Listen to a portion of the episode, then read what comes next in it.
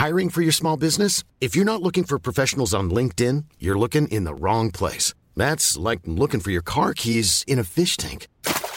LinkedIn helps you hire professionals you can't find anywhere else, even those who aren't actively searching for a new job but might be open to the perfect role. In a given month, over 70% of LinkedIn users don't even visit other leading job sites. So start looking in the right place. With LinkedIn, you can hire professionals like a professional. Post your free job on linkedin.com slash people today. Halo pendengar GGMI Podcast, baik lagi bersama kita berdua. Dan pada episode kali ini kita akan membicarakan satu buah hasil yang baru saja dipetik dengan raihan tiga angka jauh-jauh MU bertandang ke Moldova, uh, tim yang sebenarnya udah cukup familiar ya karena kita juga pernah ketemu juga sama tim yang sama beberapa uh, tahun ke belakang, tapi apa pun hasilnya setidaknya bisa meningkatkan daya juang Ronaldo CS untuk akhirnya kita bisa melanjutkan nafas setelah kemarin kalah 1-0 sama Real Sociedad. Nah, gue mau nanya ke Bro Saung dulu nih. Dari segi starting eleven, ini sebenarnya cukup menarik ya, karena benar-benar full team.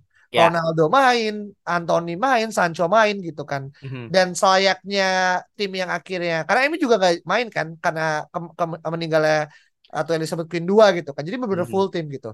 Melawan tim yang ya kita tahu lah bagaimana akhirnya satu skuadnya Sheriff itu ternyata ketika di total itu bahkan belum mencapai harga transfernya Harry Maguire gitu. Seriusan loh. Iya. Anjir. Iya iya sih.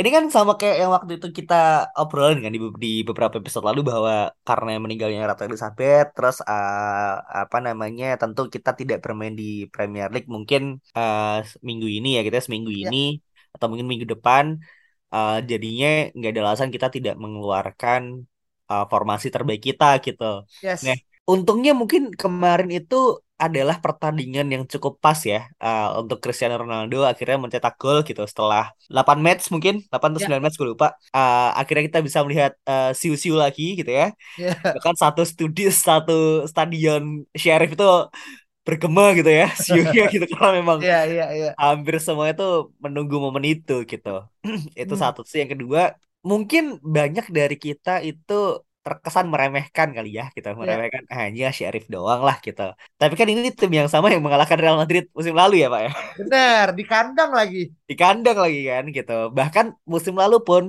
Real Madrid itu full tim juga gitu. Ada Benzema, ada Vinicius gitu. Casemiro bahkan main juga waktu ya, itu di situ benar. gitu. Jadi semuanya full tim gitu. Dan ini uh, menunjukkan bahwa dan oh ya dan bagaimana melihat kita selama dua babak itu bermain dengan sangat-sangat nyaman ini menunjukkan bahwa ini sih apa namanya kita kita patut berbangga sih. Karena memang MU mungkin sudah mulai menemukan pakem permainannya. Nyaman gitu ya bermain di Moldova 7 jam perjalanan. Hmm. lo datang lo langsung bermain terus masih uh, ibaratnya kayak preseason doang pak gitu. Iya iya iya iya. Jadi uh, it's a it's a good result lah for us. Hmm oke. Okay. dan uh, ini juga satu hal yang akhirnya mungkin orang ngerasa ya, iya harusnya lebih dari dua kosong dong gitu kan. Betul. Iya kan. Betul. Uh, dan kalau kita nonton kan, maksudnya gue juga ngeliat ada beberapa peluang yang sebenarnya Ronaldo ya lebih tepatnya. Uh, ini ya tidak bisa lah mengconversion rate gol uh, apa kesempatan jadi gol kan. Ini kan juga hmm. jadi salah satu catatan ya karena sel selain Ronaldo yang akhirnya mencetak gol setelah uh, kekeringan beberapa musim eh beberapa ya. pertandingan yeah. kan akhirnya kan mencetak gol tapi as a player gue ngerasa memang permasalahan striker tuh akan terus menghantui apalagi Marco Rashford kan juga ketika Rashford cedera maka pilihan yang ada kan juga terbatas untungnya gitu kan kita kan kena jeda dua eh, tiga minggu ya bahkan ya Betul. off gitu kan karena kan minggu depan kan uh, apa namanya juga apa FIFA International Match Day gitu kan yang mana uh, eh, MU akan balik lagi main ya di Oktober yang mana kalender akan sangat-sangat padat gitu dan akan ketemu sama Manchester City gitu kan yang kita hmm. tahu juga sedang dalam performa terbaik. Tapi kita balik lagi ke game ya. Bahwasanya uh, kita melihat dari sisi kiper Martin Dubravka belum diberikan kesempatan uh, hmm. selayak seperti selayaknya kenapa dia dibeli gitu. Lo ada catatan nggak kenapa akhirnya masih David De Gea yang akhirnya mendapatkan apa namanya jam terbang? Simply karena kita belum dapat hasil positif di Europa League sih menurut gua gitu. Karena uh, match terakhir kan kita kalah tuh satu kosong lawan Real Sociedad kan gitu. Dan ternyata Real Sociedad juga di match uh, di game week yang sama mereka juga menang kan lawan si gue lupa nama nama musuhnya siapa o Omonia atau something yang yang kita satu ah. grup itu. Dan dia kan dia juga masih peringkat satu kan di ya. di grup Europa League gitu. Nah kesempatan Martin Dubravka ini mungkin nanti akan banyak ketika di uh, Piala Carabao sih gitu di di ya. Carabao ya. Cup gitu untuk Europa League kan ini uh, bisa dibilang chance kita cukup besar untuk lolos Liga Champions dari sini kan gitu. Uh, considering bahwa di Premier League City juga udah pasti akan tetap di top 4 gitu.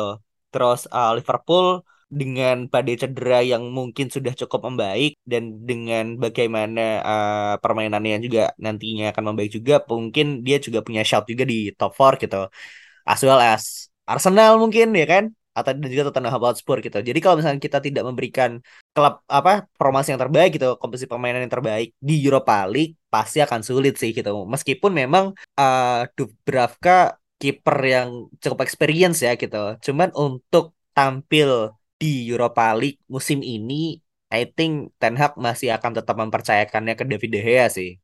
Oke, Cuman, berarti kepada security ya, ya yang memang akhirnya uh, lagi dicari nih sama Ten Hag karena uh, apalagi juga ini kan musim yang anomali ya kalau kalau kata pas kemarin kita bahas podcast uh, bareng sama bos lu kan Betul. kayak akan ada kepotong tahun apa kepotong apa namanya Piala Dunia lah terus juga yes. Elizabeth yang meninggal secara, yeah. iya kan jadi ini benar-benar uh, mix feeling banget buat Ten Hag hmm. dan gue setuju pada poin kayak buat seorang kiper terutama De Gea yang akhirnya main di apa musim pertamanya dengan Ten Hag menurut gue sih menimbulkan confidence tuh perlu untuk ditumbuhkan dengan cara dia bermain reguler gitu kan. Mm-hmm. Beda sama pemain uh, yang akhirnya bermain di sektor uh, belakang yeah. terus juga tengah dan depan yang akhirnya sembah fluid karena banyak posisi kan. Kalau kiper kan ya udah lu main ya kemungkinan besar kan 90 menit lu main gitu loh. Betul. Dan yeah. di Piala Dunia ini kan masih belum clear ya menurut gue siapa yang nanti akan uh, apa namanya represent Spain nomor satu gitu. Mungkin Raya Raya ya yeah. paling paling shotnya paling gede mungkin Raya gitu cuman kalau memang David De Gea musim ini impresif gitu karena kita melihat Varane dan Martinez kan 5 match 3 clean sheet ya yeah. dan di belakangan ada David De Gea gitu dan juga David De Gea di match-match tersebut juga menurut gue uh, cukup impresif gitu uh, kipernya siapa juga kita masih belum tahu dan Dubravka nih gue cek juga dia kiper timnas Slovakia nomor satu masih kan ternyata. Iya. Yeah. Dan Slovakia tuh ikut World Cup gak ya gitu? Kalau memang dia mungkin udah pasti De Gea berangkat kali ya gitu. Apakah dia akan bermain atau enggak di Spanyol gue nggak tahu gitu. Cuman untuk sebagai backupnya Dubravka ini gue nggak tahu apakah dia akan, akan berangkat ke World Cup ya. Cuman kalau misalnya dia tidak berangkat dan akan tetap stay di United, kita punya jaring pengaman yang cukup oke okay sih sebenarnya gitu ya di Dubravka gitu. Mungkin ini yang ini yang ini, ini yang jadi uh, apa pertimbangan bagi Ten Hag kenapa dia merekrut Dubravka sih sebenarnya gitu. Karena ya itu tadi gitu musim yang anomali Pak gitu. Kita hmm. nggak hmm. tahu nantinya ketika uh, di World Cup siapa yang akan cedera gitu, siapa yang akan uh, lolos sampai ke final. Berarti kan liburnya juga pasti gue nggak tahu apakah nanti akan dikasih libur ya. Liburnya yeah. juga mungkin ada seminggu dua minggu gitu kan. Setelah setelah setelah itu. Jadi uh, kedalaman squad inilah yang yang masih dicari oleh Ten Hag gitu sih. Hmm I see I see I see. Oke. Okay. ya itu pun juga akhirnya sebenarnya banyak orang juga uh, cukup apa ya kontra ya. Kenapa De ya. Gea gitu kan? Ya mungkin ada beberapa hate ya yang mungkin akhirnya masuk uh, sebagai bias gitu kan. Tapi memang permasalahan kiper kita tunggu ya karena dari semua pemain yang dibeli sama uh, Ten Hag di musim ini hanya Dubravka kan yang akhirnya belum main ya secara Betul. ofisial karena lainnya kan udah semua gitu. Tapi kita tinggal tunggu mainnya. Kita pindah ke sektor uh, apa namanya belakang ya di mana Varan dan juga Martinez sekali lagi dipercaya gitu kan. Tadi gue mikir kayak apa Maguire sama Lindelof lagi gitu kan. Terus nanti hmm. babak kedua Lindelof dijadiin bek kanan gitu. Ide gitu gitu doang. Tapi ternyata akhirnya uh, solid. Uh, menurut gue memberikan ketenangan meskipun Sangat. di babak masih eh, di menit awal ya sangat-sangat uh, apa namanya tricky banget dan gue takut banget kita kejebolan karena simply karena meremehkan tapi untungnya Martinez kayak lagi one of the best ball playing center back ya bro ya. Kayak menurut gue harga 51 mungkin di akhir musim akan terlihat semacam 15 juta gitu kan. Kalau emang dia akan terus seperti ini gitu loh. Makanya kayaknya harga Anthony sama Martinez itu kebalik deh ngerti gak Jadi kayak si Ajax tuh minta 100 juta, cuman mungkin kelewatan gitu ya. Yaudah lo bayar harusnya di Anthony deh gitu. Cuman ini buat bayaran Martinez ya kita. Karena komposisinya goks banget sih gitu. Benar-benar yeah.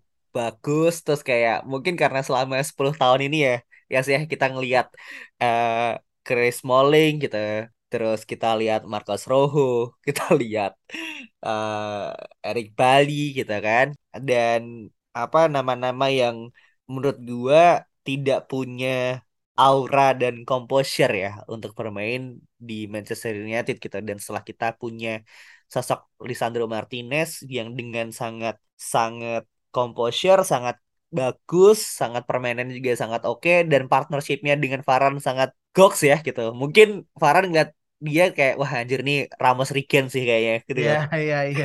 Jadi kayak harusnya ini bisa jadi pondasi yang sangat-sangat oke okay sih untuk United di hmm. musim hmm. di musim ini ya. Iya iya iya benar-benar dan memang uh, ya wajar ya buat fans MU merindukan adanya ketenangan di sektor lini belakang mm, setelah berbagai macam investasi yang dikeluarkan yeah. ya ujungnya belum terbukti ya gue nggak bilang bodong ya karena tapi belum terbukti lah gitu kan uh, sampai dengan detik ini gitu kan ya dan menurut gue sih apa yang ada sekarang sudah cukup banyak membuktikan kalau setidaknya kita heading toward right direction. Nah, ngomongin heading toward right direction, ternyata kemarin tuh juga adalah pertandingan yang membuat suatu yang menguak fakta bahwasanya kita tuh ternyata punya sosok RB di tangan tangan Malaysia gitu kan. Ini yang gue juga yeah. agak iya. kaget ketika Malaysia dan juga Luke Xiao berada dalam satu pitch yang sama. Pertanyaan ke satu kan, ini mau ada dua LB yang overlap gitu atau gimana gitu. Hmm. Lu dua LB, eh tapi ternyata Malaysia akhirnya ditaruh di kanan dan juga secara stats ya 100% cross accuracy 94% pass accuracy satu blok atau interception satu kipas dan itu adalah hal yang menurut gue somehow kayak Ten Hag doing his magic aja untuk akhirnya convincing player buat dia mengisi posisi yang mungkin nggak banyak orang ketahui gitu sih. Hmm, betul betul. Ini juga uh, out of nowhere ya maksud gue maksudnya ketika si Luke Shaw main, main gitu kan kita kita pasti bertanya lah ini Malaysia ke mana gitu dan ternyata dia main di right back dan cukup oke okay ya gitu sama kayak yang lo bilang gitu. Ten Hag Ten Hag bahkan bilang gitu di di di post matchnya bahwa iya kita memang mencoba untuk mem memvariasikan uh, struktur formasi ini struktur permainan gitu. Kayak misalkan si Sancho jadi lebih sentral gitu kan. Terus Tyrell Malaysia yang ada di kanan gitu. Dan ini kan kita perlu variasi ini nih untuk kita bisa survive di musim ini gitu. Dan ternyata uh, gamblingnya tuh sangat berjalan ya so far ya gitu. Yeah bahwasanya Terrell Malse yang sebelumnya kita mungkin tahunya dia hanya bisa di uh, left back ternyata di right back cukup oke okay, gitu. Dia bisa masuk ke tengah dia bisa uh, kontribusi dengan baik sama Anthony gitu kan. Ini yang menurut gua apa ya uh, sebagai catatan yang sangat bagus gitu ya kita punya kedalaman squad yang di satu sisi cukup oke okay, gitu. Cuman harusnya juga jadi tamparan juga nih buat para pemain bench gitu bahwa kayak kita punya pemain yang versatile loh gitu kan. Yeah. Gimana kalau misalkan lo kalian ini nggak perform, dia bisa aja ngambil tempat lu gitu tanpa harus yeah. gue ganti gitu kan. Mungkin nama-nama kayak let's say uh, Victor Lindelof gitu atau nama-nama kayak uh, siapa Aaron Wan Bisaka pasti akan jadi tamparan yang sangat keras sih ngeliat bagaimana permainan si Malaysia uh, malam lalu ya. Hmm. Gitu. Iya iya iya. Dan ini baik lagi ini baik lagi kan hal-hal terjadi hal-hal yang magical terjadi salah satunya adalah Harry Maguire completed 100% of his Wah. passes. Dari dua. Dalam kurun waktu dua menit. Dari dua dua pas atau dua menit? Dua menit satu Oh dua menit.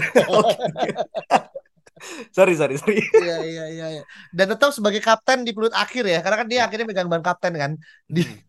Di akhir. Jadi ya good lah.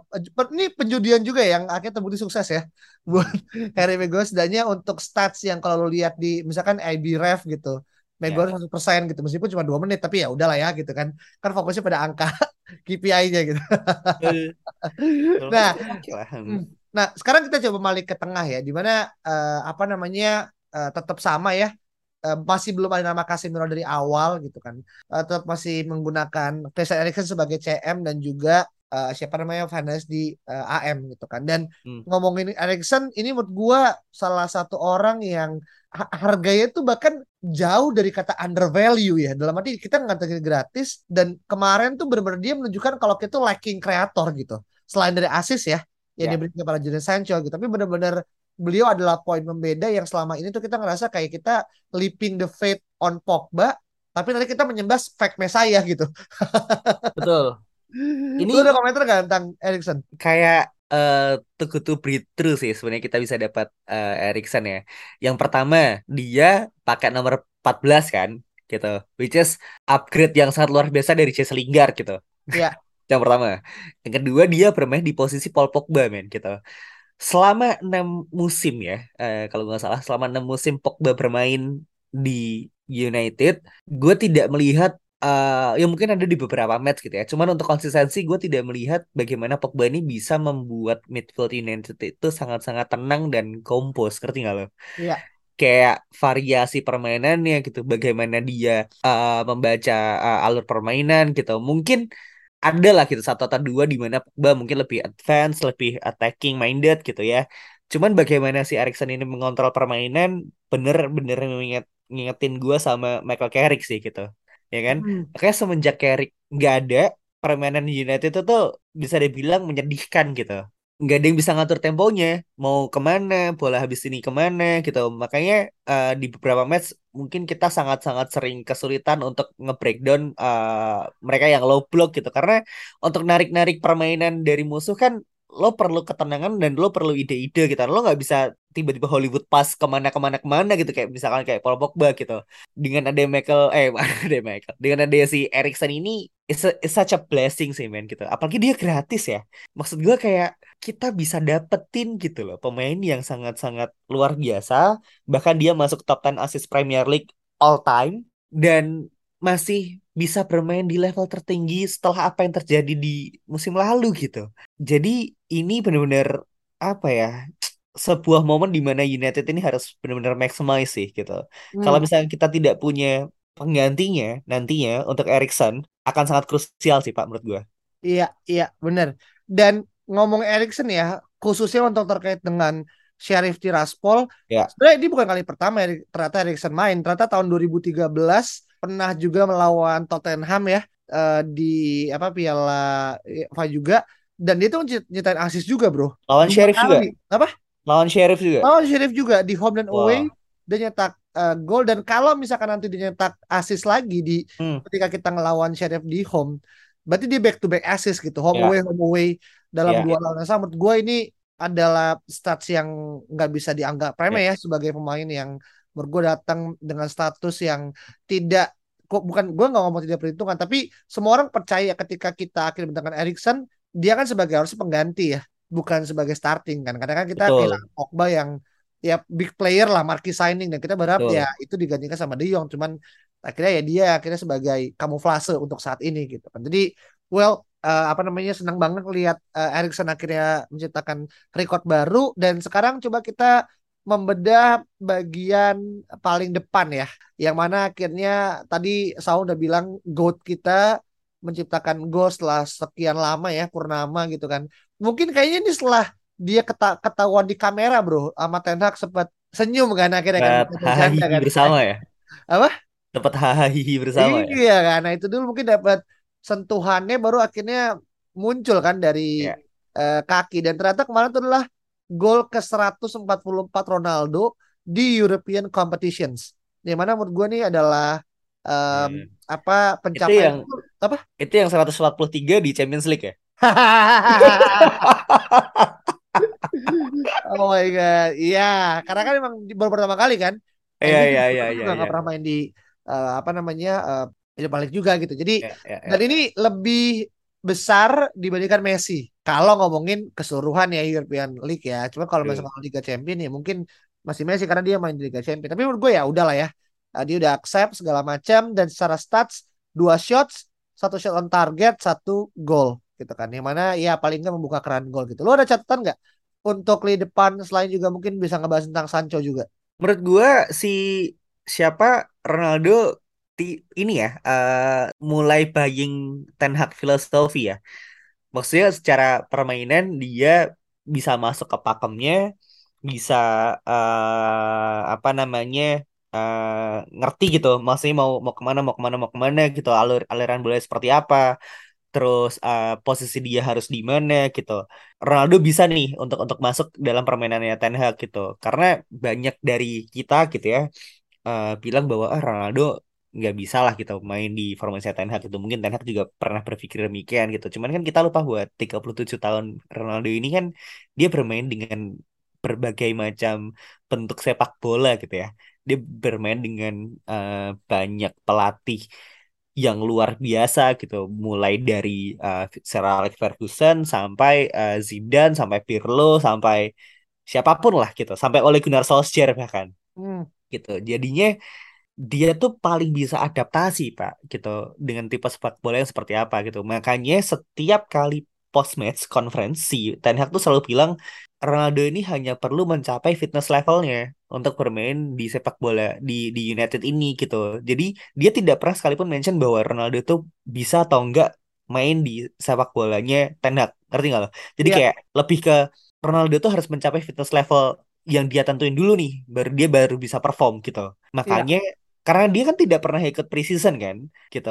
Yang lain ikut preseason gitu. Cuman memang itu tadi itu masalahnya itu adalah bukan Ronaldo yang tidak bisa menjalankan uh, sepak bola Ten Hag tapi lebih ke fitness level yang itu sendiri gitu. Dan menurut gua kemarin adalah pertandingan yang cukup uh, oke okay gitu ya untuk menambah menit bermain tentu saja gitu with all due respect to Sheriff cuman memang akan terlihat seperti preseason beneran gitu dengan cara permainan sangat-sangat kita mendominasi lah pokoknya gitu. Dan Ronaldo apart from uh, the goal ya maksudnya ya udahlah golnya penalti gitu. Cuman memang memang dia bagus Pak gitu itu sih yang yang yang perlu kita lihat sih sebenarnya gitu bahwa dia memang bisa bermain di sepak bola Ten Hag. Iya, iya, iya. Maksudnya ini kan adalah salah satu sinyal elemen yang sedikit banyak bisa menepis ya argumen-argumen tentang uh, ketidakharmonisan ya Ten Hag dan juga Ronaldo ya. ya At least kan dengan gol ini kan media kan jauh lebih berpihak ya dan mungkin uh, narasi psikologi juga jauh lebih positif gitu. Meskipun ketika nanti pun kita harus main pertama kali lagi ya ketemu City gue gak yakin Ronaldo adalah orang yang tepat ya untuk mengisi posisi sebagai striker ya. Kita tahu juga bagaimana City bermain sangat taktikal gitu kan penguasaan bola gitu. Dan ini kan yang akhirnya banyak dikritisi. Sedangkan uh, kabar Martial dan juga Rashford juga masih dalam kondisi yang uh, sangat uncertain ya makanya kan Ten Hag kan udah mulai genit ya untuk minta lagi kan pemain yeah. untuk bulan Januari yang mana menurut gue sih harusnya udah dikerjain dari bulan summer kemarin gitu mm-hmm. gak usah nunggu mm-hmm. Januari gitu kayak menurut gue mm-hmm. terlalu bertele-tele kalau ujungnya lu akan nambah amunisi juga Indian gitu kan. Betul. Tapi iya kan? Dan harganya juga bisa jadi lebih naik kalau misalkan pemain yang lo target ternyata dia perform dengan luar biasa di World Cup ya. Iya, benar benar benar benar iya benar kan? benar. Harusnya kan bisa bisa kelar di summer kemarin gitu. Cuman ya ya itu tadi gitu. Mungkin kita terlalu menyepelekan pasar ya.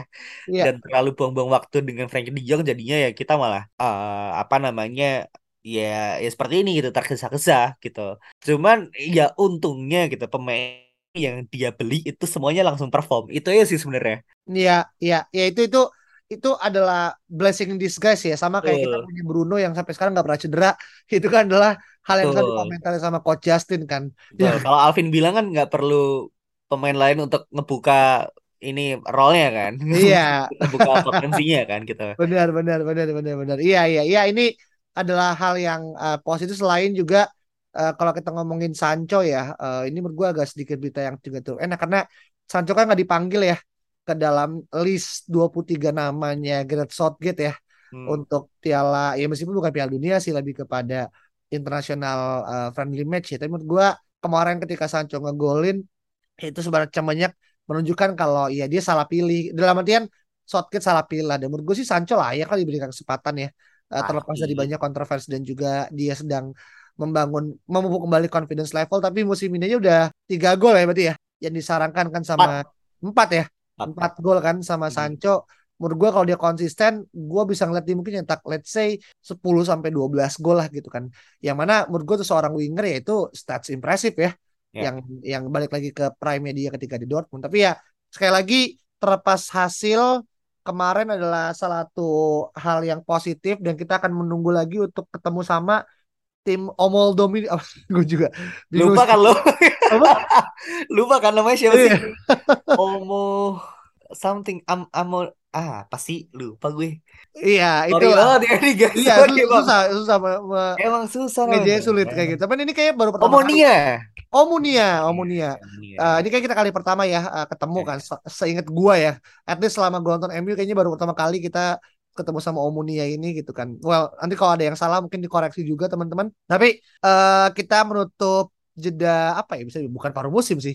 Jeda ke- meninggalnya Ratu Elizabeth dan juga Etra friendly match dengan hasil positif dan itu penting supaya ketika balik lawan City semangatnya tetap semangat eh, apa namanya untuk akhirnya meraih kemenangan regardless siapa yang kita lawan. Dan semoga ini akan menjadikan hak balls lagi seperti kita menjungkalkan Liverpool ketika kita memang mungkin dirasa adalah ya apa ya, David Goliath kan ketika dulu pas ketemu di Kalau tiga apa menang lawan City, yes. Hmm. Menurut lo kita punya chance nggak untuk juara Premier League? Aduh, ini terlalu jauh ya. Cuma menurut gue, at least gue sih berharap ya dengan segala bentuk hasil yang akan dapat lawan City, Aha. paling enggak memanaskan kursi persaingan dan akhirnya melihat kalau City itu adalah suatu hal yang bisa kita kejar tuh menurut gue lebih terbuka sih.